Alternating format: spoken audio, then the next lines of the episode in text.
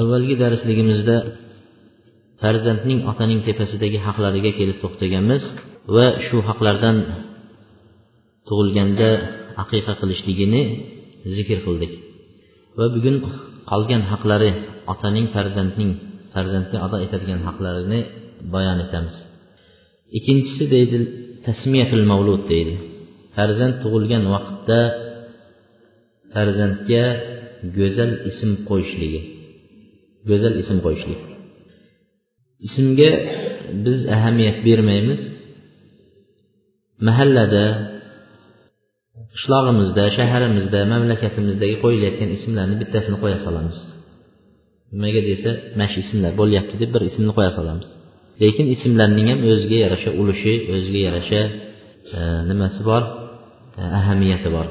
Shuning uchun hozir biz ismlarni va payg'ambar alayhissalotu vassalom zamonida qo'yilgan durust ismlar va durust bo'lmagan ismlarni zikr qilamiz farzandga ism qo'yishlik qachon tug'ilgandan keyin qancha kundan keyin qo'yiladi debdi روى أصحاب السنن أن سمرة كل غلام رهين بعقيقته تذبح عنه يوم سابعه ويسمى فيه ويهلق راسه samuradan rivoyat qilingan hadisda payg'ambar alayhissalotu vassalom aytdiki har bir bola aqiqasiga nima qilgan? Rahim dedi. Aqiqasiga bog'liq. Aqiqasiga biz avvalda aytdikki o'tgan aqiqa bobida e, nima qilingan dedik? E, bog'lab qo'ygan. Uning sog'lom bo'lishligi kasal bo'lishligi degan rivoyatlarni ba'zi olimlar aytgan. Ba'zilar aytgan aqiqasiga bog'liq degani uning qiyomat kunida shafoat qila bilishligi ota onasiga yoki shafoat qila olmasligi shu aqiqasi bilan bo'ladi degan ma'noni aytishgan. Va aqiqa yettinchi kuni so'yiladi deyildi. Buni ham yuqorida aytdik. Ism qo'yishligi va shu kun ism qo'yiladi deydi yettinchi kuni ism qo'yiladi deb keltirildi ismi qo'yilib aqiqasi so'yilib va bolaning sochi olinadi. Bolani sochini shu ustara bilan e, olinib o'sha sochning miqdori vaznga qo'yiladi. Tarozga qo'yilib qancha gramm chiqadi. ikki grammmi uch grammmi besh grammmi sochning miqdorida kumush puliga kumushga chaqadi. Bir gramm kumush misol uchun bozorda uch yuz tanga to'rt yuz tanga bo'lsa ikki gramm chiqadigan bo'lsa sakkiz yuz tanga sadaqa qilinadi. Shu kumushning miqdoriga chaqib turib sadaqa qilinadi. Lekin ulamolar aytishadiki ismning qo'yishlik kunida juda qattiq turib oladigan bir e, nima emas ish emas deydi. Ya'ni odamlar yettinchi kuni ekan boshqa kuni qo'yishib bo'lmas ekan degan narsaga kelib qolmas kerak. Tug'ilgan kuni ham avvaldan ism tayyorlab qo'ygan bo'lsa tug'ilgan kuni ism qo'ysa bo'laveradi. Yoki yettinchi kunigacha yoki yettinchi kunidan keyin ham yaxshi ismlarni o'ylab topib shu nima qo'ysa bo'laveradi deydi. U bir cheklab qo'yilgan kun emas deydi. Lekin payg'ambar alayhissalom shu kunlari yettinchi kuni deb aytishligi nima tartib bo'yicha bo'lyapti sochni olishligi qo'y so'yishligi aqiqa ism qo'yish ham shu kunga kirgizdilar ismlardan yaxshi ismlar va makruh bo'lgan yomon ismlar فقد روى أبو داود بإسناد حسن عن أبي الدرداء رضي الله عنه قال قال رسول الله صلى الله عليه وسلم إنكم تدعون يوم القيامة بأسمائكم وأسماء آبائكم فأحسنوا أسماءكم sizlar qiyomat kunida dedilar payg'ambar alayhissalom. Nima dedilar? Ismlaringlar bilan va dadalaringlarni ismi bilan qo'shib chaqirilasizlar dedi. Faloncha falonchaning o'g'li deb chaqiriladi qiyomat kuni dedi qiyomat kunida alloh taolo sizlarni chaqiradigan ism go'zal bo'lishligi yaxshi. Shuning uchun dedi sizlar ismlaringlarni go'zal qilinglar dedi. Yaxshi ism qo'yinglar dedi. Imom muslim sahihida keltirgan hadisda ibn umar roziyallohu anhu aytadi inna ahabbal asma ilalloh abdulloh va abdurahmon va asdaquha harit va hamam va aqbahuha harb va murra dedilar. Go'zal ismlar eng yaxshi ismlar qaysilari payg'ambar alayhissalotu vassalom aytdilarki ismlarning eng yaxshi alloh taolo eng yaxshi ko'radigani dedi. Alloh taolo sevadigan ismlar abdulloh va abdurahmon ismlarini alloh taolo yaxshi ko'radi deydi. Abdulloh va abdurahmon degan ismlarni. Bu allohning allohga yoki allohning ismlari yoki allohning nimalariga abid qul degan nima qo'shilishligi allohning quli rahmonning quli degan qahhorning quli abduqahhor ana shunga o'xshagan allohning quli degan bandasi degan ma'noni ifodalaydigan ism bo'lishini xohlaydi shuning uchun alloh taolo eng yaxshi ko'rgan ismlarning biri abdulloh va abdurahmon dedi. Va to'g'rirog'i dedi ismning to'g'rirog'i dedi.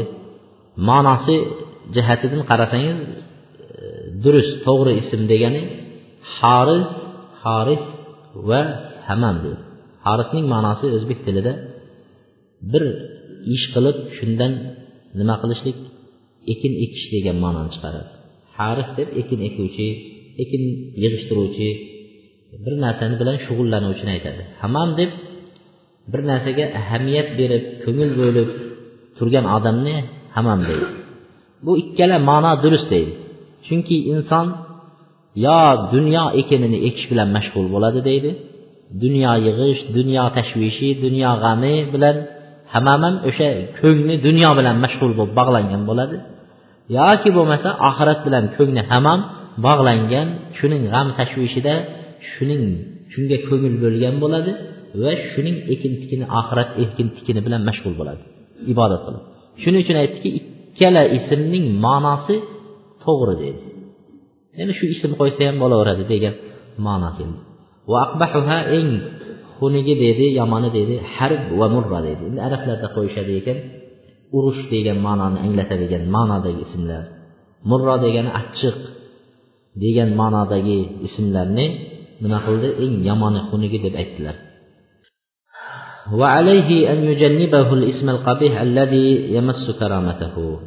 Insonning karomatini ketkazadigan kelajakda misol laqab bo'lib qoladigan keyin shu bilan laqablanib bir odamlar masxara qiladigan ismlarni qo'yishdan qaytardilar laqablanib qoladigan masxara bo'lib qoladigan ismlarni qo'yishligidan qaytarganlar mana ravot termiziy va ibn majja عن ابن عمر رضي الله عنهما أن ابنة لعمر كان يقال لها عاصية فسماها رسول الله صلى الله عليه وسلم جميلة termiziy ibn da rivoyat qilingan hadisda ibn umar roziyallohu anhudan kelgan hadisda aytadiki umar roziyallohu anhuning qizlarining ismi bitta qizining ismi asiya edi deydi. Asiya. Arablarda ikkita ism yuradi. Ayn bilan keladigan asiya deb sot ayn sot asiya deb keladigan ism bor. Ikkinchi ism asiya. Asiya alif va sin bilan asiya deb keladi. Bu asiya degan ism osiy bizlarda gunoh osiy banda deymizu. Gunohkor degan ma'noda gunoh qiluvchi degan ma'noni anglatadi. Shuning uchun qizlarining ismlari gunohkor degan gunoh qiluvchi degan ma'nodagi ism edi. Asiya bu. Payg'ambar alayhissalotu vassalom bu ismni yomon ko'rdi. Gunohkor banda gunoh qiluvchi ism degan ma'noni yomon ko'rib sizni ismingiz jamila bo'lsin dedilar. Ya'ni eng go'zal chiroyli degan ma'noni qo'ydilar. Ammo osiya bo'lsa a alif bilan sin bilan osiya bo'lsa bo'laveradi. Mana e, biz bilamizki muslima ayollarning eng sobit qadam bo'lganlarining biri kim edi osiya binti muzahim. Muzahimning qizlari osiya edi. Bu fir'avnning ayollari fir'avnning ayollarining ismi osiya edi. Buning shunchalik nima bo'lganligi dinda mustahkam bo'lganligi bir kuni nima fir'avnning qizini deydi soch taraydigan nimalari xizmatkorlari bor edi deydi. Shu soch taraydigan xizmatkorlari bir kuni fir'avnning qizini sochini tarab o'tirsa qo'lidan tarog'i tushib ketdi pastga.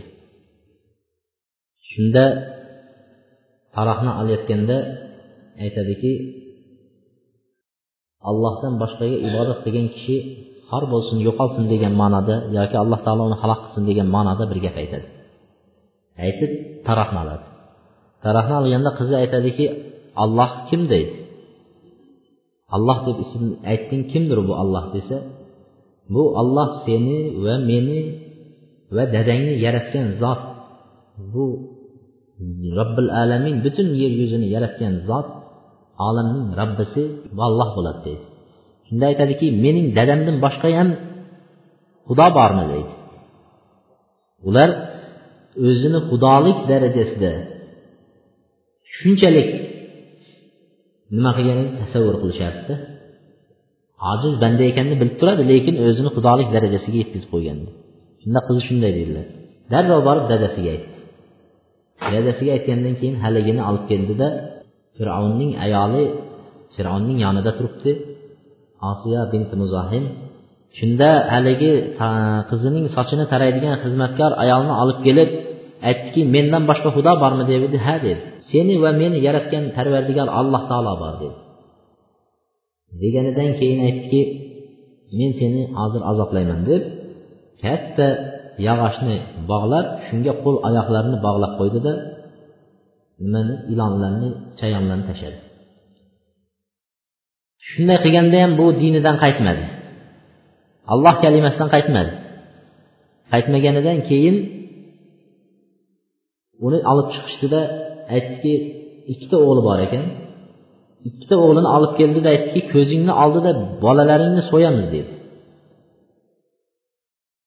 Bolasini olib kelib birinchi bolasini so'ygan vaqtida bolasining ruhi chiqib shu yerda ey onajon diningizda sobit bo'ling bu dindan qaytmang dedi.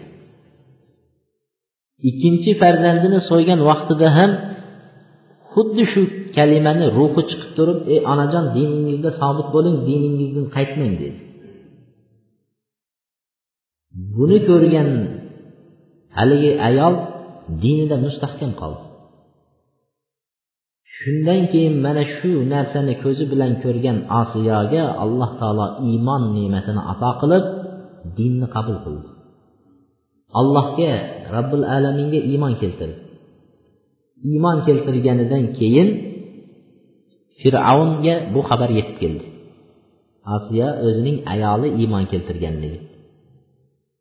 Keyin o'sha osiyani olib kelib har xil azoblar bilan azobladi yo meni xudo deysan yo diningni qaytasan deb shunda ollohdan boshqa iloh yo'q dedi.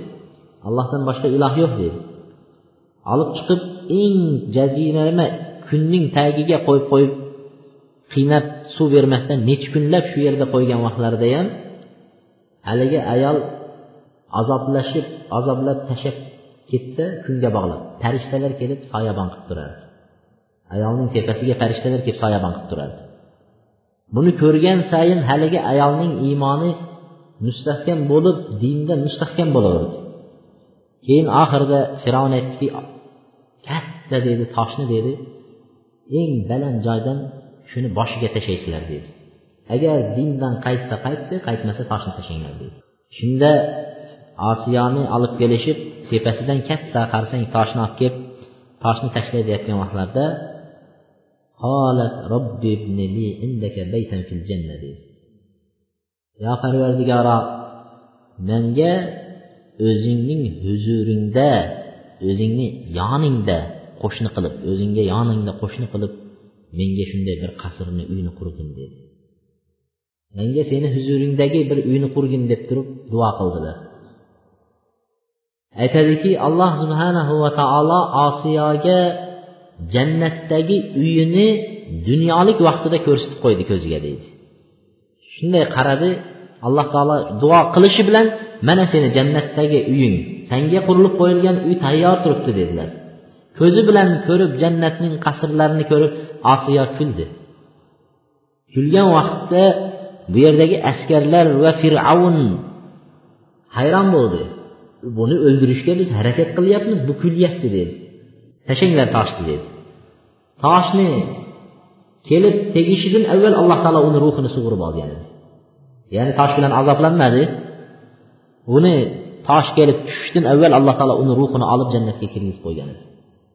Mana shu ikkinchisi osiyo binti muzahim muzahimning qizi osiyo o'zi kuyovlari kofir bo'lib bo'lib ham eng katta podshoh bo'lishiga qaramasdan eng katta lazzatning ichida osiyoga kirishi uchun uni oldiga kelib gaplashish uchun odamlar necha kunlab navbat kutib osiyoni ko'rganligiga xursand bo'ladigan ayol shu ne'matlarning barchasidan voz kechib yubordi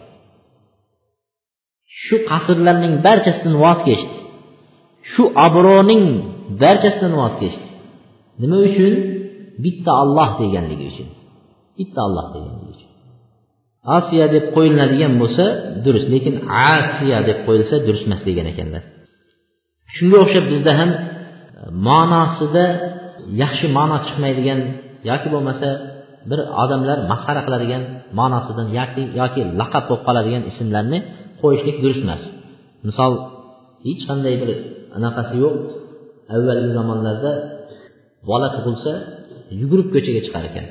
Ko'chada nima ko'rinsa shu ko'ringan narsani ismini qo'yilishlik kerak ekan. Agar ko'ringan narsani ismi qo'yilmasa bola kelajakda yaxshi o'smaydi degan bir e'tiqod bor ekan. Yugurib chiqsa tezak ko'rsa tezakvoy qo'yadi. Ana shunga o'xshab ko'ziga ko'ringan yugurib chiqsa bolta ko'rinsa boltavoy teshavoy yo'lda tug'ilib qolsa yo'lchivoy juma kuni tug'ilsa jumavoy ro'zada tug'ilsa ro'zavoy ish qilib ketavergan otlar. Hech bir nimasi yo'q ma'nosi yo'q otlar. Shunga o'xshab o'g'il ko'rmay masalan faqat qiz ko'rayotgan bo'lsa ikki uch qiz ko'rgandan keyin endi o'g'il ko'ray deb o'g'iljon qo'yadi. Uchinchi qizi o'g'iljon bo'ladi. Yoki bo'lmasa to'rtinchi qizni o'g'iljon qo'yishadi. Nimaga? Bundan keyingisi o'g'il bo'lsin deb. Otini qo'ysang shunday deydi. Yoki bo'lmasa birovning bolasi tushib qolaversa bolasi turmasdan uch oy to'rt oyga borib tushib qolib uch oy to'rt oyga tushib qolaversa endi aytadiki tabiblarga boradi sehrgarlarga boradi shunaqa deydi. Ular aytadi tursin qo'ying deydi. Endi tursin bu deydida hech tushib qolmasin tursin yo tursin degan erkak bo'ladi yo tursimay degan ayol bo'ladi. Undan keyingisi o'lib qolmasin deb qo'yishadi. Birodarlar unaqa ismlar durust emas. Yaxshi alloh yaxshi ko'radigan allohga yoqadigan chiroyli ismlarni qo'yishlik kerak endi bizni ichimizda yana shunaqa ismli kishilar bo'lsa xafa bo'lmasin ularni aybi emas dadalari qo'yganda tursin tursunoy opalar xafa bo'lishmasin وعليه أن يجنبه الأسماء التي لها اشتقاق من كلمة فيها تشاؤم حتى يسلم الولد من مصيبة هذه التسمية uchinchisi deydi ba'zi kalimalarning ma'nosi yoki biz aytadimiz hidi odamga yoqimsiz bo'ladigan kalimalar bor. Shu ma'noda yomon narsalar odamning hayoliga keladi. Yomonlik nima qilinadi? Shundan umid qilinadigan kalimalar bo'lgan ismlarni qo'yishligi durust emas debdi. Qanday desa yomonlik ma'nolari keladigan. Buxoriy rahmatulloh alayhi o'zining sahihlarida keltirgan hadisda said ibn musayyibdan keltiryapti. Said ibn musayyib bu katta tobeinlardan biri. Said ibn musayyibni endi bu kishining haligi mashhur qissalaridan hammaga mashhur bo'lib ketgan. Nima qiladi? O'zining abu vadaa degan shogirdlari bo'ladi. Eng yaqin eng ishongan shogirdlari bo'ladi. Shu kishi darsga bir kun ikki kun kelmay qoladi. Shunda aytadiki ey abu vadoa nima bo'ldi? desa ayolim o'ldi deydi. Ayolim dunyodan o'tdi vafot etdi. Shu bilan mashg'ul bo'ldim. Ikki kun uch kun darsimga ketib kelolmadim deydi. Qachon bo'ldi? desa shu uch kun bo'ldi. Uylandingizmi deb so'raydi darrov. Uch kundan keyin. Bizda ba'zi nimalar bor ekan. Biz ko'p xalqga uncha aralashmaganimizdan bilmas ekanmiz. Birovning ayoli o'lsa nima deydi qirqini o'tkazib keyin yilligini o'tkazib undan keyin bir uch to'rt yildan keyin uylanmasa quda taraf xafa bo'lar ekan. Nimaga bizni qizimizni hurmati yo'qmidi der ekan. Bir yilgacha kuyov bola uylanmasdan hurmat qilib yurish kerak ekan ayolni o'lgan ayolni. Unaqa emas o'lgandan keyin erkak kishi bir kundan keyin bo'lsa ham uylanaveradi. Ammo ayol kishi iddasini saqlaydi. Erga tegmasdan iddasini saqlaydi. Uni sababi ayol erkak bilan bo'lgan vaqtida balki qornida bola urug'i tushgan bo'lishi mumkin. Shu urug'ni tasbit qilish uchun ya'ni urug' bormi yo'qmi ayolning qornida to'rt oy o'n kun iddasini saqlaydi. To'rt oy o'n kunda bolaga ruh kirilib qimirlash boshlanadi. Shu qimirlagan vaqtda ayol demak qornida bola bor ekanligini biladi va boshqa erkakka tegish harom bo'ladi. Hatto bolani tug'guncha chunki buning urug'i bilan suvi bilan boshqaning suvi aralashib ketmasligi uchun. Boshqadan bola hosil bo'lib bu ham suvini u yerga quyib shundan keyin ikkovining urug'i bir biriga aralashmasligi uchun shariat har bir nasabning har bir urug'ni alohida saqlab bolani falonchaning bolasi tugunchani bolasi deyish uchun shunaqa qilgan. Endi hozirgi kunda aytish mumkin nimalar chiqyapti masalan uziylarda ayollarni olib borib shunday solsa uziyda topaytib ko'rsatib beradi urug' bor yo'q ekan desa biz shariat bo'yicha yuraveramiz. Shariat bo'yicha. Nimaga? Shariat adashmaydi lekin uziylar apparatlar adashadi. Ular adashadi. Ba'zida o'g'il deydi tug'ilganda qiz tug'ilib qoladi. Ba'zida qiz deydi xursand bo'lib yursa o'g'il tug'ilishi mumkin. Ana shunga o'xshagan bu narsalar adashadi ammo shariat adashmagan. Shuning uchun muddat belgilagan. Shu ayollarning o'tirish sababi shu. Ammo erkaklar ularga bu narsani hech aloqasi yo'q. Shuning uchun ular idda saqlab o'tirmaydi. Mabodo vafot etsa bir kundan keyin uylansa ham bo'laveradi. Abu vadoa degan shogirdlari keldi. Said ibn musayib aytdiki uylandingizmi? dedilar. Yo'q dedi. Menga o'xshagan kishiga kim ham qiz berardi? dedi. Chunki hech narsam yo'q dedi. Uylanadigan bir mahrga beradigan narsam ham yo'q dedilar. Unda dedi sizga shu qiz nima qilsa olasizmi deganlarida olaman dedilar ho'p uyingizda o'tirib turing bugun men boraman dedi. Shunda uylarida o'tirganlarida said ibn musayib keldilarda taqilladi shunda kim deganlarida said dedi. Abu vado aytadiki men deydi barcha o'rtoqlarimning ichida said deganni eslasam hech birovni topmadim deydi eshitmasdan ustozim turibdi deydi yonida o'zining qizlarini yetaklab kelgan.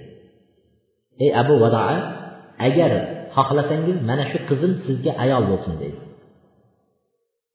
Nima qilishni ham bilmay qoldim deydi. Uyga taklif qildim kirdi deydi. Qo'shnilarni va mahalladagilarni olib kirib guvoh qilib ozgina e'lon qilib deydi nikohni shu yerda o'qib qizni tashlab said ibn said chiqib ketdilar deydi. Shunda o'sha qizga uylandilar.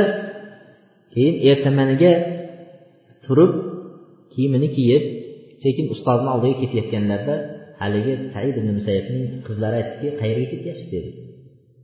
Dadangizni huzuriga darsga ketyapman deganlarida aytgan ekanlarki dadamning dadamdan oladigan ilmning barchasi menda bor mendan olavering degan ekanda. Dadasini ilmini barchasini olib qo'ygan ekanda. Shunchalik olima qizni olib kelib bergan shu nimalari bilan mashhur bo'lib ketgan tobeinlardan biri bu said ibn musayib shu kishi dadalaridan u kishi o'zining dadalari ya'ni bobolaridan rivoyat qilib aytadiki ataytu ilan nabiy sollallohu alayhi vasallam deydi. Payg'ambar alayhissalotu vassalomning oldilariga keldim deydi. Kelsam deydi faqola ma ismuk deb aytdi deydi. Saidning bobolari demak payg'ambar alayhissalomni ko'rgan. Said esa tobein bo'lyapti. Bobolari kelgan. Kelib payg'ambar alayhissalomni oldiga kelganda ismingiz nima? degan ekanlar. Ismingiz nima? deganlarda hazm debdilar. Hazm desa qo'pol dag'al degan ma'noni tushuniladi. Qo'pol deb aytilingan. Agar huzn bo'lsa xafalik xafa g'amgin degan ma'noni ham anglatadi. Ikkovini ham bo'lishi mumkin. Hazm debdi deydi. Hazm degani shu qo'pollik deb aytibdi. Shunda payg'ambar alayhissalom yo'g'e debdilar. Siz qo'pol emas sahlsiz yengil judayam yumshoqsiz debdi. Desalar men dadam qo'ygan ismni hech ham almashtirmayman debdi. Dadam shunday qo'ygan debdi menga unaqa boshqasi kerak emas degan ekanlar shu ismda qoldi deydi. Lekin shu qo'pollik bizning xonadonimizda bizni qavmimizda qarindoshlarimizda haligacha davom etadi degan ekanlar. Ya'ni shundan qolgan bir nima kelaverar ekanda o'sha bir odamni bir ismi bo'lsa shu yomon ism qarindoshlarda ham davom etadi. Yo boshqasida urug'ida qarindosh urug'ida ko'raverasiz yo qavmida shunaqa nimani ko'raverasiz روى الإمام مالك في الموطأ عن يحيى بن سعيد أن عمر بن الخطاب رضي الله عنه قال لرجل إمام مالك رحمة الله عليه موطأ كتابه يحيى بن سعيدتن nima qilgan rivoyat keltirgan ekanlar umar ibn hattobning huzuriga bir kishi kelgan ekanlar shunda haligi kishiga qarab umar ibn hattob aytgan ekanlarki ismingiz nima degan ekanlar darrov otini so'ragan ismingiz nima deganlarida haligi aytibdi jamro deb jamra deb endi bizda unaqa ismlar qo'yilmaydi lekin arablarda qo'yilaverar ekan. Jamro degani cho'g' degani.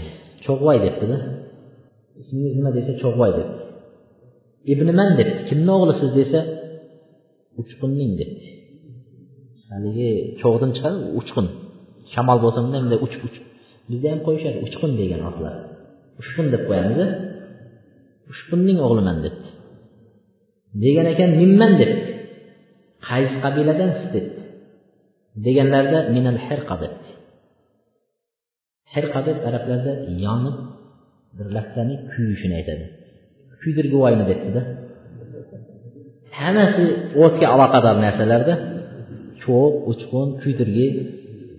Ayna maskanuka maskaningiz qayerda debdi qayerda turasiz desalar debdi o't mahallasida debdi o't mahallasi deganlaridan keyin umar ibn hattob aytdiki vaylak adrik ahlaka faqat ihtaraqu faqat fakana kama kana kama qola umar dedi. Holingga voy bo'lsin tez uyingga bor debdi uyingdagilar yonib ketdi debdi yondirib yubordingmi debdi deganlarida haligi uyiga kelsa deydi umar ibn hattob aytganday bo'libdi deydi uyi yonib ketgan ekan deydi shuning uchun haligi ismlarning ham har anaqaga o'zining nasibi ulushi o'zining ta'siri bo'ladi. Shuning uchun ismlarni yaxshilarini qo'yishligi afzal bo'laveradi. İnsonning sifatiga aloqador bo'ladi deydi. İnsonning muloyim bo'lishligi dag'al bo'lishligi sog'lom bo'lishligi boshqa bo'lishligida ham ismlarning ham nimasi bor? Aloqasi bor. Ammo bir odamlar aytib qo'yadi ba'zi odamlar kasal bo'lib qolsa aytadiki ismi og'ir ketdi deydi. İsmi og'ir ketdi ismini o'zgartirmasanglar bo'lmaydi deydi. Bu ko'proq tabiblar folbinlar aytadigan gap ismi og'ir ketdi deb oddiy ism abdulloh deb qo'ysangiz ham eng yaxshi ismni borsa abdulloh juda og'ir ism deb qo'yadi. Muhammad qo'ysa eng og'ir ism deydi. U payg'ambarni ismi ko'tarolmayapti deydi. Muhammadni deydi. Yo'q unaqa emas. Muhammad degan payg'ambarni ismi bo'lsin. Idris ibrohim ismoil ishoq boshqa shunday sahobalarni ismlari bo'lsin. Eng go'zal ismlar u bolaning kasal bo'lishligi boshqa bo'lishligi u ismning og'ir yengilligiga qarab emas lekin islom yaxshi ko'rmaydigan ma'nosi xunuk ma'nosida foydasi yo'q yoki bir zarar keladigan shunga o'xshagan yondivoy kuydivoy ushqun deganga o'xshagan shunaqa ismlar bo'lsa uni chiroyli ismlarga almashtirib qo'yishligi yaxshi. Ammo bolaning ag'rishligi e, boshqa bo'lishligi u ismiga qarab emas. To'rtinchisi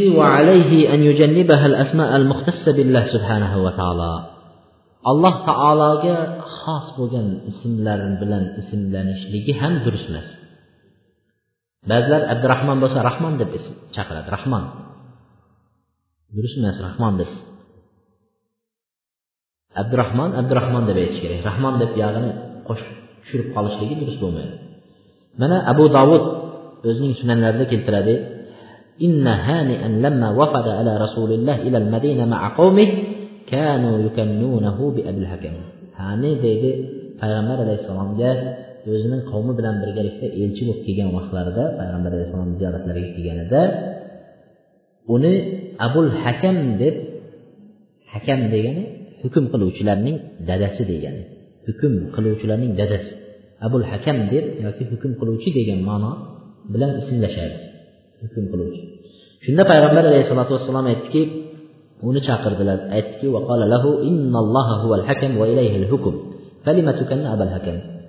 alloh taolo hukm qiluvchilarning yoki hukm qiluvchi zot alloh taolo deydi abul hakam bu alloh taolo va ilayhil hukm va hukmlarning barchasi allohga qaytadi haqiqiy hukm allohga qaytadi shuning uchun biz har namozda har bir rakatida maliki yavmiddin deymiz qiyomat kunining moliki podshohi. Qiyomat kunidagi hukmlar bu dunyodagi hukmlar u qoladi. Bir insonning umri mobaynida qilib o'tgan hukmi u o'tishligi bilan tugab ketaveradi. Ammo allohning hukmi u oxirat kunida bitta o'zi hukm qiladi. Bitta o'ziga qoladi hukm. Shuning uchun aytdiki hukm. Va hukmlar allohga qaytadi dedi u kuni hech kim aralasha olmaydi allohning hukmiga. Dadangiz ham onangiz ham otangiz ham payg'ambarlar ham aralasholmaydi unga farishtalar ham aralasholmaydi allohning hukmiga. Siz bilan ollohning o'zining orasida bo'ladi bu hukm. Aytdiki olloh bu hukm qiluvchi zot va hukm allohga qaytadi dedi. Nima uchun siz o'zingizni hukm qiluvchi abul hakam deb ismlab olgansiz dedi. Yoki kunyalab olgansiz dedilar. Deganlarida haligi kishi aytdiki ya rasululloh deydi. Qavmim o'zlarini orasida ixtiloflashib qolsa biror narsada talashib tortishib qoladigan bo'lsa meni huzurimga kelardi men ularni orasida hukm chiqarardim dedi. Bir narsani aytib men hukm chiqarib beraman. Shu ikkala taraf rozi bo'lib ketaveradi. Shuning uchun meni hukm chiqaruvchi hukm qiluvchi deb meni shunday ismlashdi dedi. Kunya berishdi menga dedi. Deganlarida payg'ambar alayhissalom aytdilarki ma ahsana hada fama laka min alwalad? Bu judayam yaxshi ish ekan dedi. Siz qilayotgan ishingiz. Lekin bu ism kunya sizga yarashmaydi dedi. Allohga yarashadigan kunya sizga yarashmaydi. Siz bolalaringiz bormi? dedilar. Ha bolam bor dedi. Shurayh muslim abdulloh dedi. Uchta bolam bor dedi. Deganlarida eng kattasi kim? dedi. Eng kattasi shurayh dedilar. Siz eng katta bolangizning ismi bilan kunyalaning deydi ya'ni abu shurayh deb o'zingizga kunya bering deydi abu shurayh. Abul hakam demang hukmlar qiluvchi deb aytmangda dar farzandingizni bolangizni ismi bilan kunyalaning abul haka abu shurayh deb ayting deb o'zgartirdi payg'ambar alayhissalom demak shunga o'xshagan bir odam allohga xos bo'lgan ismlar bilan ismlanishligi durust bo'lmaydi. Yana imom muslim o'zining sahihida abu hurayra roziyallohu anhu rivoyat qilgan hadisda keltiradi رجل على الله يوم القيامة وأخبثها رجل تسمى ملك الأملاك لا ملك إلا الله deydi qiyomat kunida alloh taoloning huzurida eng yomon ko'rilgan kishi va eng ahbas deb eng habis eng yomoni dedilar eng habisi eng yomoni malikul amlak podshohlarning podshohi deb ismlangan kishi dedi. O'zini ismini shunday qo'yib yuravergan kishi eng badbaxt eng yomon inson hisoblanar ekan allohni huzurida alloh yomon ko'rar ekan. Podshohlarning podshohi. Aytdiki payg'ambar alayhissalom podshohlarning podshohi olloh undan boshqa podshoh yo'qdir dedi. Podshohlarning podshohi olloh undan boshqa podshoh yo'qdir qiyomat kunida shuning uchun inson o'zini bunday ism bilan ismlashligi durust bo'lmaydi. Bizda ham bormi shunday narsalar desa bor deydi. Sultonlarning sultoni shahanshoh degan ismlar deydi. Agarcha bu ismlar asmoi husnodin bo'lmasa ham deydi buning ma'nosi allohdan boshqaga iste'mol qilinmaydigan ma'nolardir deydi. Allohni ismi bo'lmasa ham podshohlarning podshohi degan allohni ismi yo'q. Shahanshoh sultonlarning sultonining ismi yo'q lekin buning ma'nosi faqat allohgagina iste'mol qilinadigan ma'no allohgagina ishlatiladi. Shu kabi joh shoh jahon deydi shoh jahon butun jahonni shohi degani shoh jahon butun jahonni shohi jahongir. Jahonlarni olamni nima qilib turuvchi tarbatib tutib turuvchi degan ma'nolarni anglatadigan shoh sanam butlarning shohi shoh sanam va hokazo shunday ismlar eng yomon ko'rilgan ismlarning biri deb hisoblanadi. Beshinchisi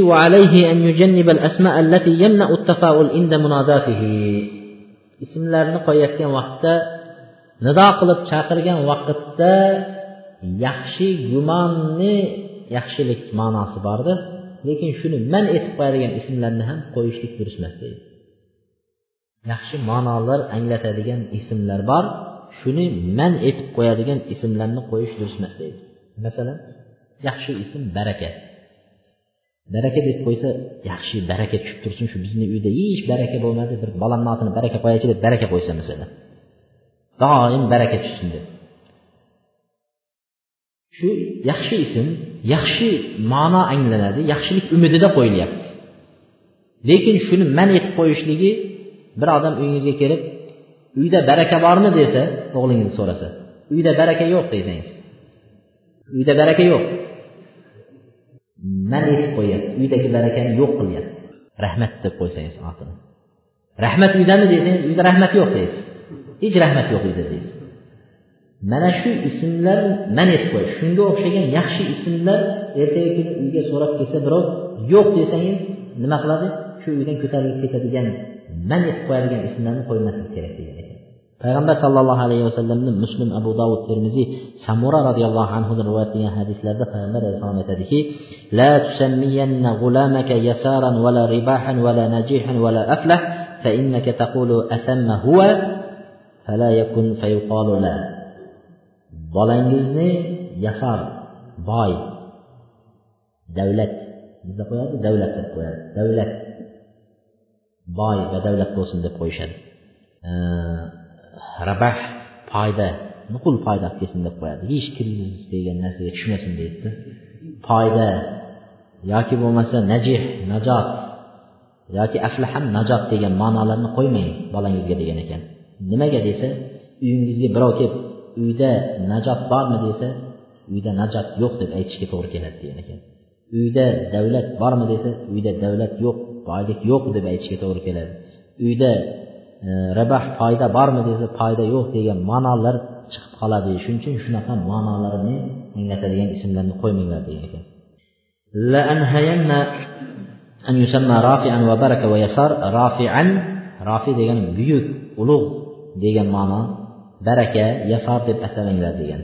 Bunday desa haligi uyga kelgan vaqtda so'rasa uyda buyuklik bormi desa uyda buyuklik yo'q uyda baraka yo'q degan ma'nolar anglanib qolishligidan nima qilgan? Qaytargan. Shu kabi iymon degan ismlarni qo'yishlik ham yaxshi emas.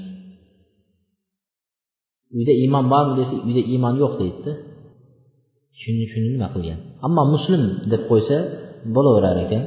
Muslimni bir yaxshilik ma'nosi yoki bir narsa uyga taalluqli bo'lgan narsa emas insonning muslim muslim emasligi bir nima natijada qo'yish shuning uchun imom muslim deb muslim deb qo'ysa bo'laveradi. Oltinchisi allohdan boshqasiga ibodat qilinadigan ismlarni qo'yishligi ham durust emas biz aytdikki allohning quli rahmonning quli qahhorning quli degan ma'nolarni qo'ysa bo'ladi dedik. Lekin boshqa narsani quli deb qo'yish mumkin emas. Masalan avvalgi vaqtlarda nima qo'yilgan? Arablarda abdul uzza degan. Uzza but. Butning quli. Uzza degan butni quli. Abdul kaba kabaning quli. Abdul kaba bizda ham qo'yiladi abdul nabi abdul nabi payg'ambarning quli. Abdunabi qo'yishadi payg'ambarning quli. Degan ma'nolardagi ismlar ulamolarning ittifoqi bilan bu harom deyishgan ekan. Bu ism harom deydi. Boshqa narsaga qulchilik qiladigan ismlar. Bu yerda yana boshqa bir payg'ambar alayhissalotu vassalomni bir gapi keladi. Ana nabiyu la kadib ana ibn abdul muttalib deydi. Men payg'ambarman hech shak shubha yo'q yolg'on emas degan ekan. Va men nima muttalibning qo'lining o'g'liman degan. Abdul muttalib. Abdulloh emas nima endi? Muttalibning quli abdumuttalib deb aytdi payg'ambar alayhissalom nimaga? Qo'yishga bo'lmasa o'zi dadalarini opaqalarini bobolarini nima deyapti? Abdumuttalib deb aytyapti. Muttalibning quli deb aytyapti. Nima uchun payg'ambar alayhisalom o'zgartirib yubormadi deyapti. Desa ulamolar javob beryaptiki payg'ambar sollallohu alayhi vasallam odamlar ichida mashhur bo'lgan odamlar shu bilan tanigan ism bilan odamlarga o'zini tanityapti men falonchaning o'g'liman. Odamlar shu bilan tanishgan edi payg'ambar alayhissalom abdumuttalib deb tanishgan edi. Ibn abdulmuttalib deb agar payg'ambar alayhissalom ismini o'zgartirib abdumuttalibni abdulloh deb qo'ysada men abdullohni o'g'liman desa kim u abdulloh deydi? Yo bo'lmasa men abdurahmonni o'g'liman desa kim u abdurahmon deyishi mumkin? Shuning uchun bobolarini ismini abdulmuttalib odamlar ichida shu bilan mashhur bo'lgan shu bilan tanilganligi uchun odamlar tanisin deb shu tanishlik bobidan aytyapti deydi. Lekin bu yerda payg'ambar alayhissalom ism qo'yishlik bobidan aytmayapti ism qo'yishlik tarafidan aytmayapti deydi. Shuning uchun bir odam masalan abdunabi bo'lsa abdunabi bo'lsa endi otini o'zgartirdi abdurahmon qo'ydi. Lekin birov bilan gaplashib faloncha abdurahmon desangiz tanimayapsa haligi abdunabi ediyu desangiz taniydi darrov. Durustmi? Shuni tanishlik uchun abdunabi deb aytilganga o'xshab bu yerda ham payg'ambar alayhissalomni aytgan gaplari shu deydi. Shuning uchun payg'ambar sallallohu alayhi vasallamni huzuriga qabilalar kelardi odamlar kelishardi har xil qabiladan. Masalan bani abdishams deydi. Bani abdishams quyoshning quli degan qabila. Quyoshning quli. Bani abdishams bani abdumannoh deydi. Va bani abdiddor degan qabilalardan odamlar kelardi. Qayerdansan desa bani abdiddordanman bani abdishamsdan bani abdumannohdan deb aytsa payg'ambar alayhissalom bunday dema deb qaytarmasdi nimaga? Shu qabila shu bilan mashhur bo'lgan. Shuning uchun juda mashhur bo'lgan narsani ismi bilan aytishligini ziyoni yo'q. Ammo insonni o'zini ismini shunday bo'lsa o'zgartirgan yaxshi. Masalan bir shahar shunday ismlansa shaharni ismini borib o'zgartiraman deb to'polon qilishni hech hojati yo'q. Ammo inson o'zining ismi shunday bo'lsa ismini nima qilish kerak? Allohga qulchilik bo'ladigan ismni qo'yish kerak allohga shirik bo'ladigan ismni qo'ymasligi kerak. Yettinchisi ismlar agar xunuk ma'nolarni anglatadigan bo'lsa uni o'zgartirishligi. O'zgartirishligi afzal degan o'zgartirishligi. Payg'ambar sollallohu alayhi vasallam yaxshi ismlarni yaxshi ko'rardi va yomon ismlarni yomon ko'rardi deydi. Mana muslim abu dovud rivoyat qilgan hadislarda keltiryapti. Amr ibn ato rahmatulloh alayhi aytadi sammaytu ibnati barra men qizimni ismini deydi barra deb qo'ydim deydi. Barra degan judayam haligi maqtab olish ham bo'lmas ekan. Judayam yomon ismni qo'yish ham bo'lmas ekan.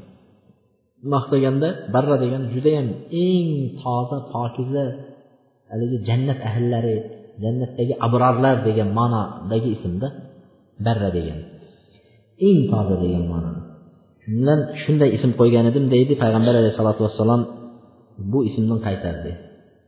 Aytdilarki la tuzakku anfusakum allohu alam bi ahlil bar minkum. O'zlaringni o'zing maqtavermanglar yoki o'zinglarni poklab yubormanglar eng pok odam deb alloh taolo sizlardan eng toza odam kim ekanligini o'zi biluvchidir deb ismini o'zgartirdilar zaynab deb qo'ydi barrani ismini zaynabga o'zgartirdi barrani ismlarini payg'ambar alayhisalotu vassalom zaynab deb qo'ydilar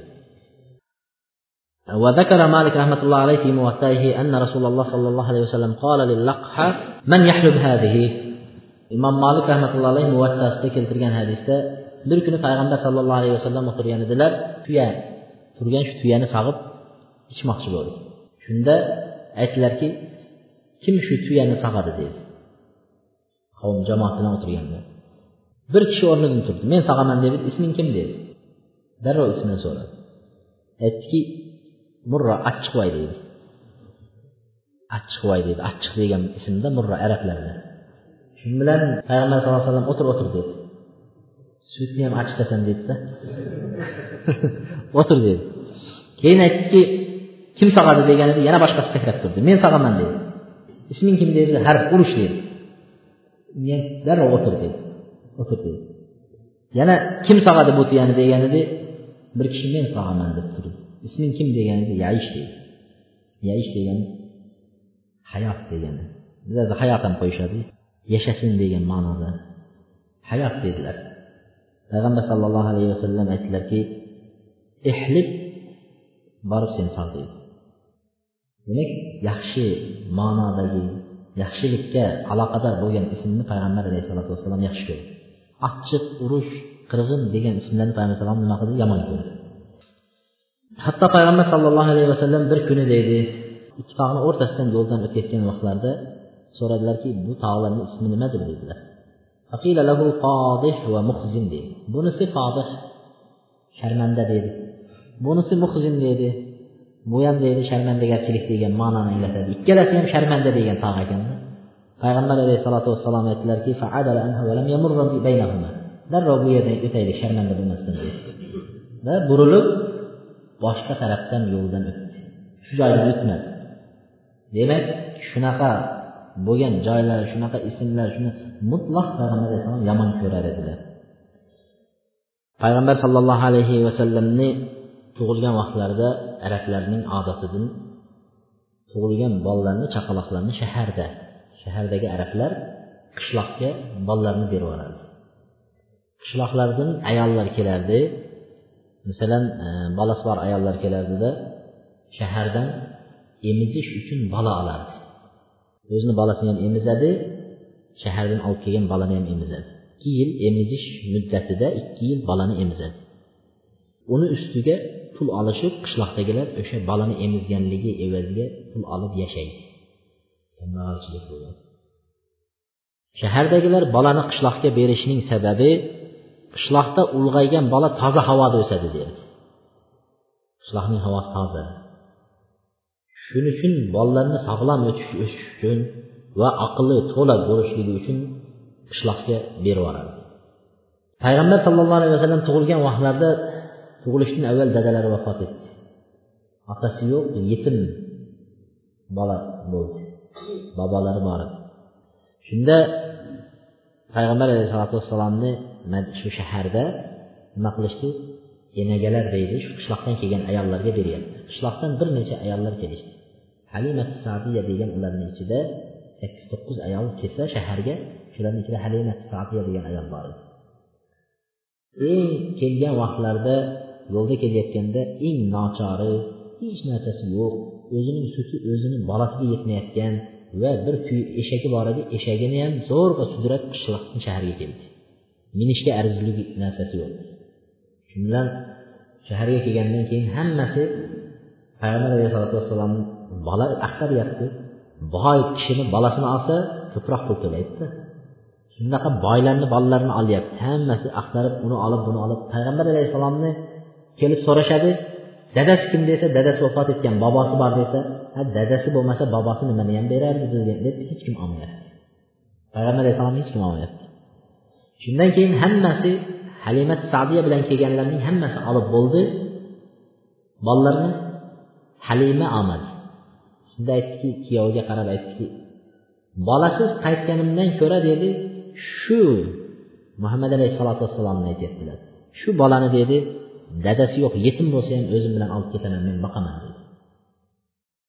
Keldi payg'ambar alayhissalom bobolarni oldiga keldi. Kelganlarida bolani menga bering dedi. Men boqaman deganlarida ismingiz kim dedilar. Ismim halima dedilar. Halima halim yumshoq. Qayerdansiz dedi? Sadiya sadiya qabilasidan. Bax bax bax bax dedilar.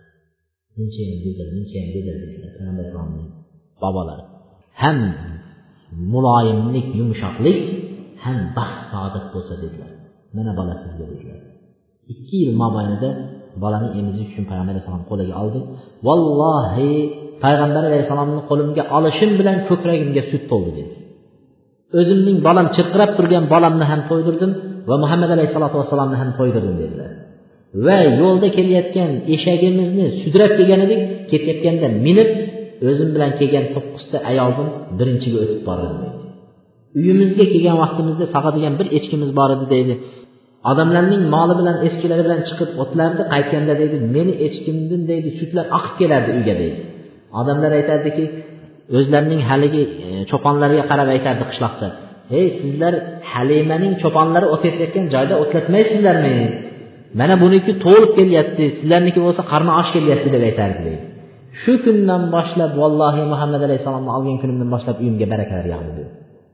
Buni aytganimiz halima sadiya degan ismni payg'ambar alayhissalotu vassalomning bobolari ismning ma'nosini qarab turib judayam go'zal ism ekan dedilar.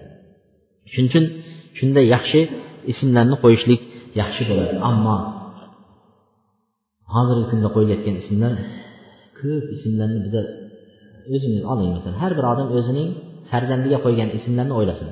Kitob varaqlab bunday kitoblarni o'qib e eh, sahobalarni ismlari eh, e mana sahobiy bunday qilgan ekan mana payg'ambar bunday qilgan ekan deb voy voy shunga o'xshasin deb qo'ymaymiz. Qo'yyapmiz. Haligi eh, teleserialda deydi. Biri chiqdi deydi juda izvordi ana shuni ismini qo'yib qo'ydim deydi yevropadagi ismini qo'yadi. Kinodagi ko'rgan ismlar pahlavonni ismini boshqa ismlarni hamma bolalarni qo'yilgan ismi yo kinodan olingan yo boshqa narsadan olingan. Shuning uchun yevropa ismlari boshqa ismlar musulmonlikka taalluqli bo'lmagan ismlarni qo'yishlikni o'zi asli yaxshi emas. Payg'ambar kim bir qavmga o'zini o'xshatsa qiyomat kuni shular bilan birga tiriladi degan. shular bilan birga tiriladi bu ismlarga taalluqli bo'lganlari endi oxirgi masala ismlarga taalluqli bo'lgan masalalarning oxirgisi fi halati adam ittifaq al abawayn ala tasmiyat al mawlud fa tasmiya min haqq al ab ona bilan ota ism qo'yishda ixtiloflashib qoldi. Biri buni qo'yamiz deyapti biri buni qo'yamiz deyapti. Endi kim qo'yadi? Qaysi ism qo'yiladi deydi. Shu vaqtda deydi ota bilan ona ismni ixtiloflashib qolsa otaning haqqi ism qo'yishdi. Farzand otaga nisbat beriladi musulmonlarda. Musulmonlarda farzand otaga nisbat beriladi. Shuning uchun falonchaning o'g'li faloncha falonchaning qizi faloncha deb pasportlarda ham shunday yoziladi. Ammo yahudlarda esa onaga nisbat berilar ekan. Faloncha ayolning qizi faloncha ayolning o'g'li deb. Shuning uchun musulmonlarda otaga nisbat berilib ota qo'yishga haqlidir. Keyingisi haqlaridan yana farzandning haqlari otaning tepasidagi haqlari xiton deydi. Kestirishlik. Farzandni kestirishlik. Alloh subhanahu va taolo qur'onda aytadiki keyin biz sizga vahiy etdik. Ibrohim alayhissalotu vassalomning millatiga ergashing deb. Va bu millat hanif bo'lgan ya'ni to'g'ri millatdir. Shirkdan tavhidda mustahkam qolgan shirkka og'magan. Ya'ni to'g'ri millat bo'lgan ibrohim alayhissalomning millatiga ergashing deb ibrohim alayhissalomning millati nimadir desalar aytadiki ibrohim alayhissalotu vassalom al xitan min millati ibrohim deyishgan ekan. Kestirishlik ibrohim alayhissalomning millatidandir degan ekan. Ibrohim alayhissalomning dinida millatida nima qilishgan? Shariatida kestirishlik bo'lgan va payg'ambar alayhissalotu vassalom ibrohim alayhissalom millatiga shariatiga ergashishlikka buyurildi va shu shariatdanki kestirishlik. Kestirishlik va aytishadi eng birinchi kestirilgan kishilar eng birinchi bu sunnat amalini keltirgan kishilar ibrohim alayhissalom edi. O'zini o'zi sakson yoshida kestirgan ekanlar. Alloh taolo sakson yoshga kelgan vaqtda shu shariatni shu sunnatni buyurdilar. Ibrohim alayhissalom shu sunnatni bajo keltirdi.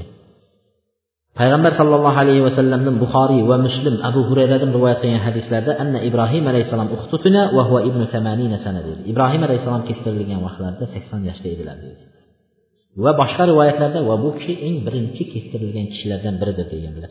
Payg'ambar sollallohu alayhi vasallam shuning uchun kestirishlikka buyurdi. Mana hadisda kelyapti buxoriy va muslimning sahihaynida kelgan hadislarda abi hurayra roziyallohu anhudan rivoyat qilingan hadisda aytadi al fitratu xamsa deydi fitrat deydilar beshta deydi. Inson fitrati ya'ni inson shu amallarni qilib yurishlikka loyiq bo'lgan amallar beshta. Bulardan birinchisi xiton kestirishlik deydi bolani o'sha vaqt vaqtini aytamiz. Qancha vaqtda kestirish kerak? Yoshi qanchada kestirish kerak? Uni aytamiz. Bolani kestirishlik deydi. Islom shariatidan bo'lgan amallarni biri. Ikkinchisi istihdod deydi. Inson nima qilib yurishligi? Avrat a'zolaridagi va avrat a'zolaridagi tuklarni tozalanib yurishligi. Tuklardan tozalanishlik lezva bilan ustaralar bilan tozalanishligi shariat buyurgan amallarning biri. Chunki eng nozik joy bo'ladi deydi va eng mikrobni birinchi oladigan joy bo'ladi deydi. Shuning uchun u joylarni doim tozalab yurishlikka shariat buyurgan. Va keyingisi qassu sharif moylobni qisqartirishlik deydi chunki yahudlar soqol va maylov qo'yadi. Musulmonlar maylovni qisqartirib soqol qo'yishga buyurilgan. Maylovni qisqartirish. Va taqlimul azofir tirnoqlarni qisqartirishlikni buyurdi. Qisqartirish bo'lganda tirnoqni olishlikka buyurdi. Tirnoqning taglari ham eng nozik joylardan hisoblanadi va eng birinchi mikroblarni nima qiladigan yig'adigan joylardan hisoblanadi. Turpoqlar bo'lsin boshqa bo'lsin eng birinchi nimaga kiradi? Tirnoqni tagiga kiradi. Hozirgi kunda qizlar tirnoqlarini uzun qilib olishligi yoki bo'lmasa bitta ikkita tirnoqni bo'lsa ham nima qilishadi? Uzun qilib oladi.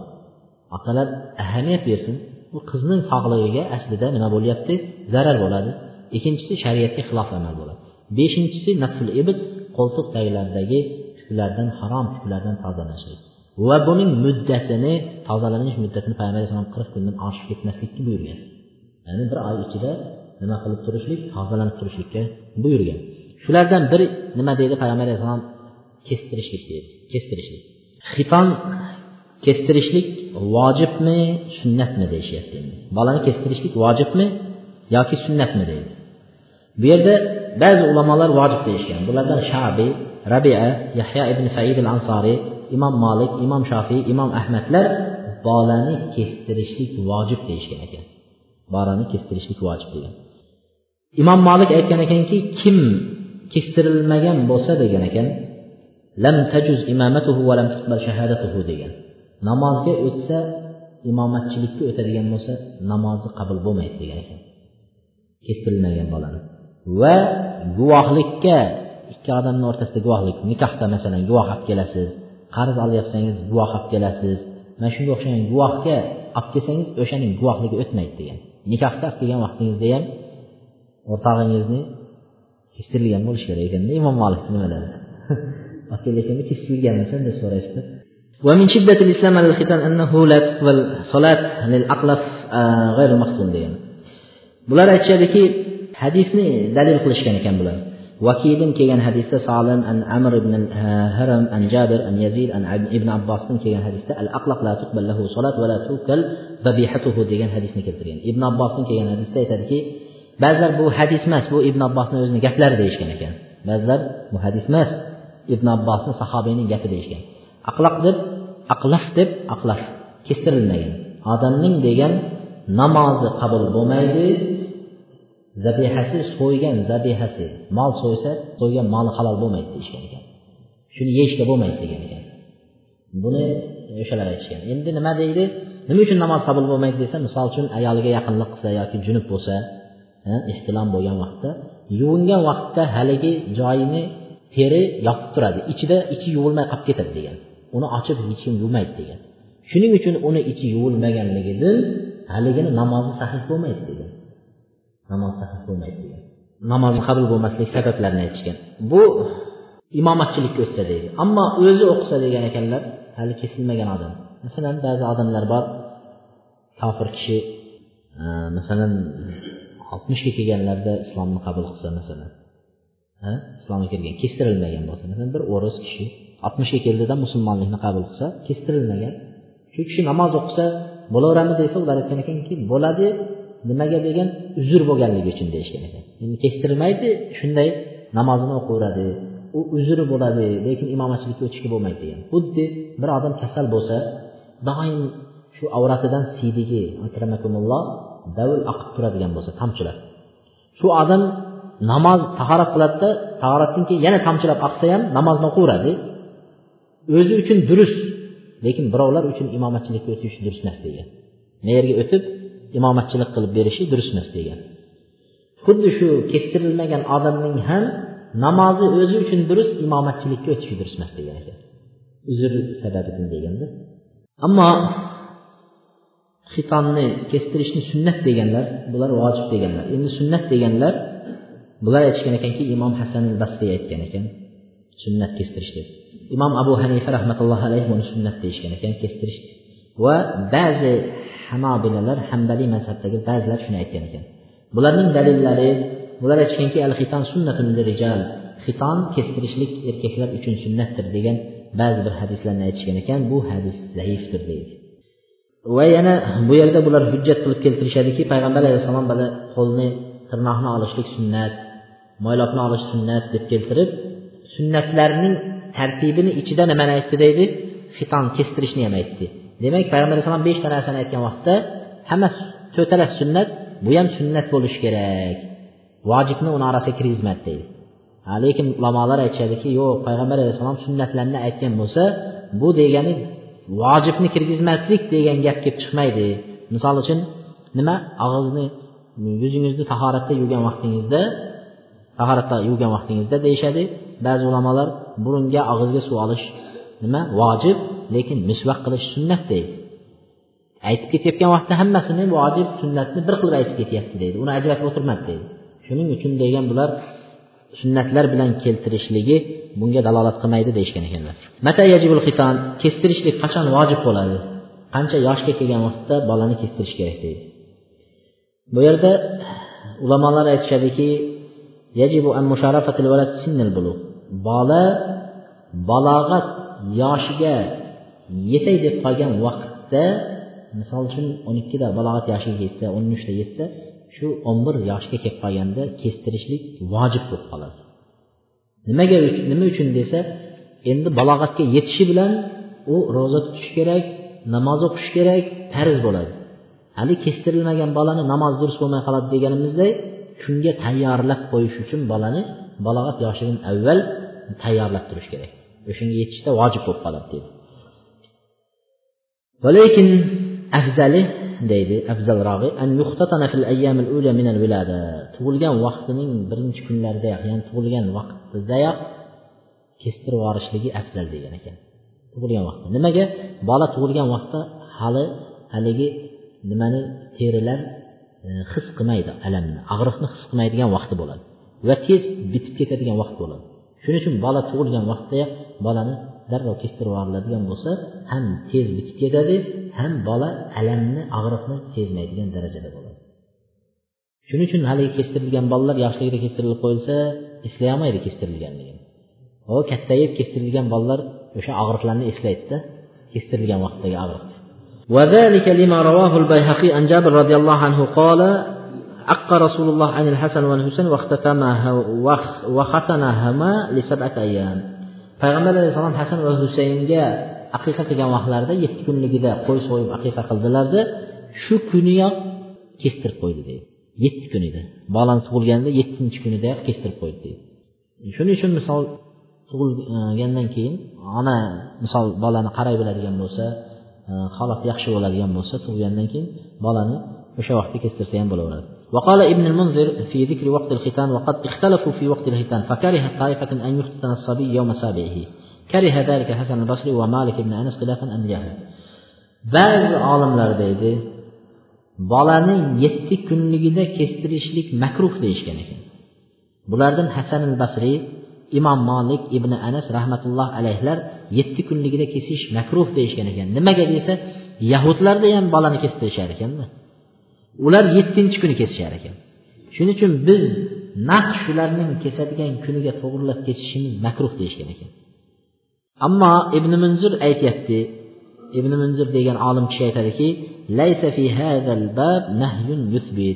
bu yahudlar yettinchi kuni kessa bizni yettinchi kuni kesma degan payg'ambar alayhissalomning buyruqlari yo'q deyapti. Shuning uchun payg'ambar alayhissalom bizni u kundan qaytarmadimi? Biz qilaveramiz debdi yettinchi kuni kessang ham bo'laveradi degan ekan. Ahmad ibn hambal aytadiki lam asma fi zalika shay'a degan. Bu bolani falon yoshga kelganda kesish kerak kun yoshga kelganda kesish kerak degan to'g'risida men hech bir hadislarni eshitmaganman deydi. Lays ibn sad aytadi al xitan lil g'ulam ma bayna sab'i sinina ila ashra degan ekan. Lays ibn sad bu eng katta nimalardan muhaddislardan biri aytadiki xiton bolani kestirishlik nima vaqtida? degan ekan. Ki, yoshdan o'n yoshga yetguncha kestirishlik kerak degan ekan. Bu kishi endi yosh belgilayapti. Yetti yoshdan o'n yosh deb. Makhuldan va boshqalar aytishgan ekan ibrohim halilur rahmon xatana ibnahu ishoq ibrohim alayhissalom o'g'li ishoqni yetti kunida kestirgan deydi. Va ismoilni deydi sana o'n uch yoshida kestirgan deydi. Mana shunday rivoyatlar keltirdi. Demak yetti yoshi ham bor olti yoshi ham bor o'n yoshi ham bor o'n uch yoshi ham bor yetti kuni ham bor. Qaysinisini olamiz desa qaysinisini qilamiz endi desa endi eng afzali bolani chaqaloq vaqtida kestirib qo'yishingiz yetti kun bo'ladimi o'n kun bo'ladimi bir oy bo'ladimi ikki oy bo'lmasa balog'atga yetishdan oldin kestirishingiz.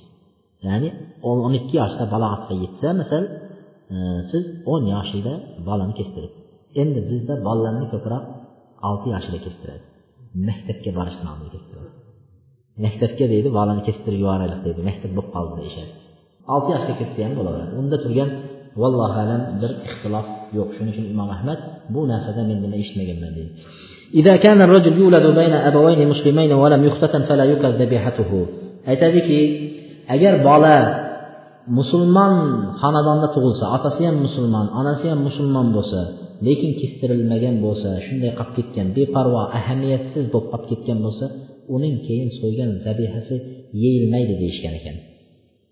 So'ygan qo'yi moli yeyilmaydi deyishgan ekan.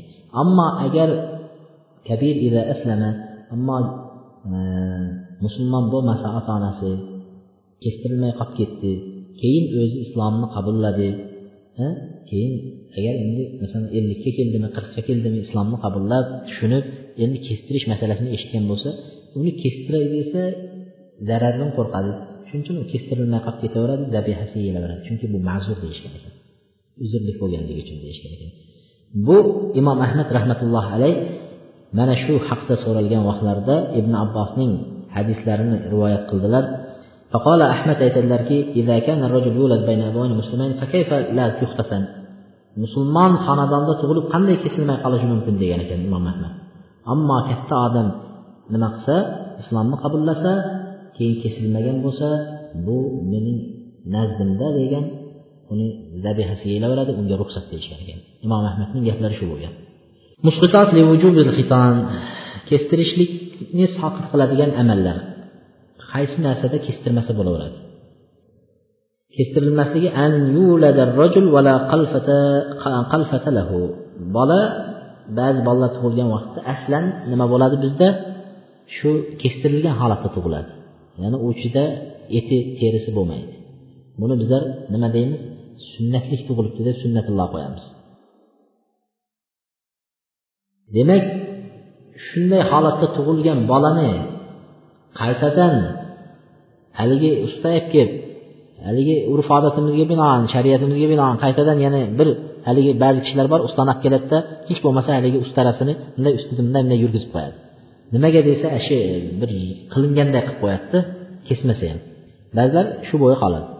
Buni aytyaptiki modomiki shunday tug'ilgan bo'lsa uni ustab kelib ustidan ustara yurgizishni foydasi yo'q va ma'nosi ham yo'q. Modomiki shunday tug'ildimi qolaveradi. Uni kestirilib o'tirilmaydi deydi.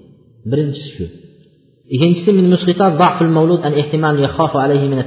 bola judayam nochor bo'lsa misol tug'ildi tug'ilgandan to balog'atga yetguncha masalan kasal bilan ovora bo'lib o'sdi. Больницаga tushadi doktorga boradi tabibga boradi shunday bo'lib keldi. Uni e, shunday kasallanib turgan vaqtda yana u yerini kesadigan bo'lsangiz nima bo'ladi? Zararlanishi mumkin. Shu holatda kesilmay qolib ketaverishi ham mumkin ekan. Tushundingizmi xuddi nima? Annahu vajib bil anhu ba'zi ibodatlar ojizlik natijasidan undan soqit bo'ladi. Masalan bir odam abadiy davomiy oshqozoni kasal bo'lsa ro'za tutolmaydi. Shu odamni ro'za tutish soqit bo'ladi lekin unga kafforatni beraveradi. Shunga o'xshab ro'za tutmaganga o'xshab deydi bu kishiniki ham nima qilinadi kesilmasligi mumkin deydi. Uchinchisi bir odam hali aytganimizdek katta yoshga kelgan vaqtlarida o'ttiz qirq ellik yoshda islomni qabullab dinni qabulladi va kestirishlikni shariatda bor ekanini bildi. Endi o'sha odam kestirmay qo'yaveradi. Agar nima qilsa o'ziga qo'rqsa boshqa qilsa kestirmaydi degan ekan. Jumhur ulamolar kestirmaydi deyishgan ekan. To'rtinchisi bir odam nima qildi? Hozir kalimani aytdida misol o'ldi. Misol qari kishi boshqa bo'ldi. Nima? Islomni qabulladida vafot etdi. O'lganidan keyin nima qilinmaydi? Bu islom qabulladi kesilmay qolibdiyu deb kesib o'tirmaydi. Chunki o'likni nimasi tirnoqlari olinmaydi nimasi kesilmaydi. O'lgan odamga hech qanaqa aziyat yetkazilmaydi. Mana shular. Endi bu yerda yana bir masala bor. Misol e, har bir taomlarning o'zini ismlari bor. Odamlar yig'ilib yeydigan taomlarni bizda misol hammasini xudoy deb qo'yaveradi. Endi xudoy deganiga ham rahmat. Ba'zilar ish chiqaryapman deydi. Ish chiqaryapman deb chaqiradi.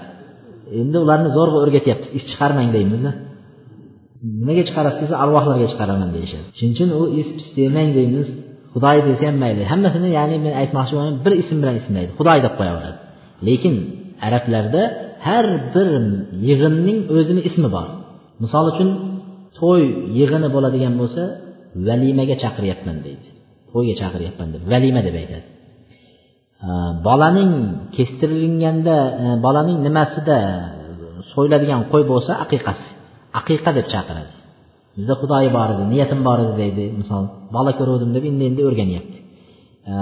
Bolaning kestirishlik uchun chaqiriladigan bo'lsa al azar deyishar ekan. Azar deb aytishar ekan arablar. Har birining ismi bilan chaqirilar ekan. Ana shunga deydi bolani kestirgan vaqtda odam chaqirib yig'ilib e, bir kichkina nima deydi niyatini qilib besh olti odam bilan qilsa bo'ladimi yo'qmi degan masalada ba'zi olimlar bo'lmaydi deyishgan. Chunki degan tirnog'ingizni olgan vaqtda xudoyi qilmaysiz moylovingizni olsangiz xudoyi qilmaysiz tozalangan vaqtingizda xudoyi qilmaysiz shuning uchun bo'lmaydi deyishgan. Lekin boshqa olimlarning gaplari ham bor. Musannaf ibn abi shaybada keltiryaptiki ibn umar roziyallohu anhu agar bir ovoz eshitsalar ovoz ya'ni lahulab xotinlarni o'ynayotgan ovozlari xushchaqchaq ovozlarni eshitsa ankara darrov nima bo'lyapti to'xtatinglar der ekan. To'y bo'lyapti yoki kestirganlik nimasi yig'ini bo'lyapti desa la yunkir uni inkor qilmas ekan. Mana shularni dalil qilib turib keltirganki modomiki shunday ekan birinchidan odamlarni bu kishini xatna qilinganligini bilishi uchun bilishi uchun shu besh olti odam chaqirib qilsa bo'laveradi degan ekan. Bo'laveradi. Nega ertagi kuni imomatchilikka o'tgan vaqtda odamlar haligi bu imom kesilganmi kesilmagan deganda anaqa turmasin deb turib ikkinchidan zabihasi haligi so'ygan qo'ylarida shubhalanmasligi uchun molida shubhalanmasligi uchun. Mana shu narsalarda bo'laveradi deb alloh subhana taolo mana oyatini sibg'atalloh va man ahsanu minallohi sibg'a degan oyatini keltirgan. Allohning sibg'asi belgisi degan oyatni keltirib aytyaptiki allohning belgisidan ham ko'ra go'zalroq qaysi belgi bor degan oyatda aytadi nasoralar bolasi tug'iladigan bo'lsa darrov bolani suvga tiqib o'zlarini bir suv bo'lar ekan shu suvga tiqib olib aytar ekanki mana endi bolamiz toza nasroniy bo'ldi deyishar ekan. Ular shu belgi nasroniyni belgisi bir suvga tiqib olishadi o'zlarini suviga alloh taolo ibrohim alayhissalomni millatini musulmonlarni payg'ambar alayhissalotu vassalom ummatlarini o'zlariga xos belgi qo'ydi. Bu belgi deydi o'sha kechtirishlik deydi. Shu kestirishlik bilan tamg'a musulmon ekanligiga tamg'a bo'ladi belgi bo'ladi. Mana shuni alloh taolo sibg'a degan oyat baqara surasidagi shu tamg'a kestirishlik deyishgan ekan. Shuni e'lon qilib turib qilsa yaxshi bo'ladi degan ekan. Ibn qayyum aytadiki odamlar mollarini boshqalarning mollaridan ajratib olish uchun tamg'a bosadi debdi. Odamlar mollarni ajratish uchun tamg'a alloh taolo ham musulmonlarning millatini boshqalardan ajratish uchun xatnani kestirishni shariat qildi deydi. Va bu gapni davomida hattoki insonlarga shunday kunlar kelib qaysi dinda ekanligini bilinmay ketsa ham xatna belgisidan qaysi dinda ekanini bilish mumkin bo'ladi debdi shunday davrlar keladi. Hech qanaqa dindan hech narsa qolmaydi. Hatto qiyomat kunida yer yuzida olloh deydigan odam qolmagan vaqtda qiyomat bo'ladi deydi qiyomat kunida yer yuzida olloh deydigan odam qolmagan vaqtda. Shu zamonlar o'tdi. Rusning davrida ruslarning davrida misol uchun bizni ota bobolarimizning ushlab qolgan bir nimalari janozani bekitib o'qishlik janoza namozini bekitib o'qishlik nikoh o'qishlik bolasini kestirishlik dinimizni mana shu narsalarni saqlab qoldi. Mana shu narsalarni mahkam saqlab qoldi. Shu vaqtda ham kestirdi bolalarni shu vaqtda ham nikoh bilan jamladi. Shu vaqtda ham eng qiyinchilik vaqtlarda ham nima qildi? Janozani bekitib bo'lsa ham o'qishdi ana shuning uchun aytgan ekanki ibn qayim shunday vaqtlar keladi odamlarning yahud nasoralar bilan hech qanaqa nima bo'lmaydi. Bitta millati muhammad alayhissalom ummati ekanini bilishlik shu xatna qilinganligi degan shuni ko'rgan vaqtda xatnalik odam bo'lsa demak sekin janoza o'qiveradigan bo'lasizda. E, shunday zamon bo'ladi ketdi. Biz oxiriga kelib qoldik. Buxoriy rahmatullohi alayhi xiton hadisini xatna qilish hadisini ikkita joyda zikr qilgan deydi. Birinchisi kitobul ambiyo degan payg'ambarlar kitobida zikr qilgan deydi. Payg'ambarlar kitobida zikr qilishligining sababi masalan kestirishlikni payg'ambarlarga nima aloqasi bor desa ibrohim alayhissalom birinchi kestirilgan kishi. Shuning uchun ibrohim alayhissalomni payg'ambarlarning nimasini zikr qilgan vaqtda hasnani zikr qildi. Kestirishlikni zikr qildi. Ikkinchi zikr qilgan vaqti kitabil istezan deydi. Buxoriy rahmatullohi alayh kestirishlikni zikr qilyapti. Qayerda? Izn so'rash bobida. Xatnani kestirishni izinga nima aloqasi bor desa izinga nima aloqasi bor desa xatna qilingan xonadonda odamlar kelishadi degan ekan yig'ilishadi. Va shu yerda nima qiladi? Taom bo'ladi boshqa bo'ladi. Shunda izn so'rab kirishadi degan ekan. To'g'ridan to'g'ri kirib ketmaydi izn so'rab kiradi degan. Shuning uchun ham vallohu alam buxoriylar va boshqalar va mana bu ibn e, musannaf ibn abi shaybada kelgan hadislar va undan boshqa ibn hajar rahmatullohi alayh aytadiki xatnani kestirishlikda odamlarning jamlanib shunga bir kelib xudoyga o'xshab yeb ketishligining mashru shariat ekanligini aytib o'tishgan ekan. Vallohu alam lekin ba'zi bir fatvolarda ba'zi olimlar shu savolni berishibdi. Xatni shu kestirilgan vaqtda buni bir xos kunlarga belgilab qilishadi. Masalan payg'ambar alayhissalomni tug'ilgan kuniga belgilab mavlud kuniga belgilaydi. Yoki bir e, o'zlari xos kunlarni belgilab shu kunda kestirilsa afzal ekan deb shu kuniga xudoylar qilib o'tkazadi shu durustmi deganda durust emas deyishgan ekan. U fatvoni ham ertangi kuni ko'rib qolib mana nomla haligi kuni aytgan gapingiz mana fatvoda teskari chiqyapti deb o'tirmang. U fatvolarda faqat kunni belgilashi va shunga o'xshagan narsalarni nima qilgan? Zikr qilib ketgan. vallohu alam bugungi nimamiz vaqt ham bo'lib qoldi keyingisida qolgan yana ozgina nimalar bor davom ettirib qo'yamiz سبحانك اللهم وبحمدك أستغفر الله وأتوب إليك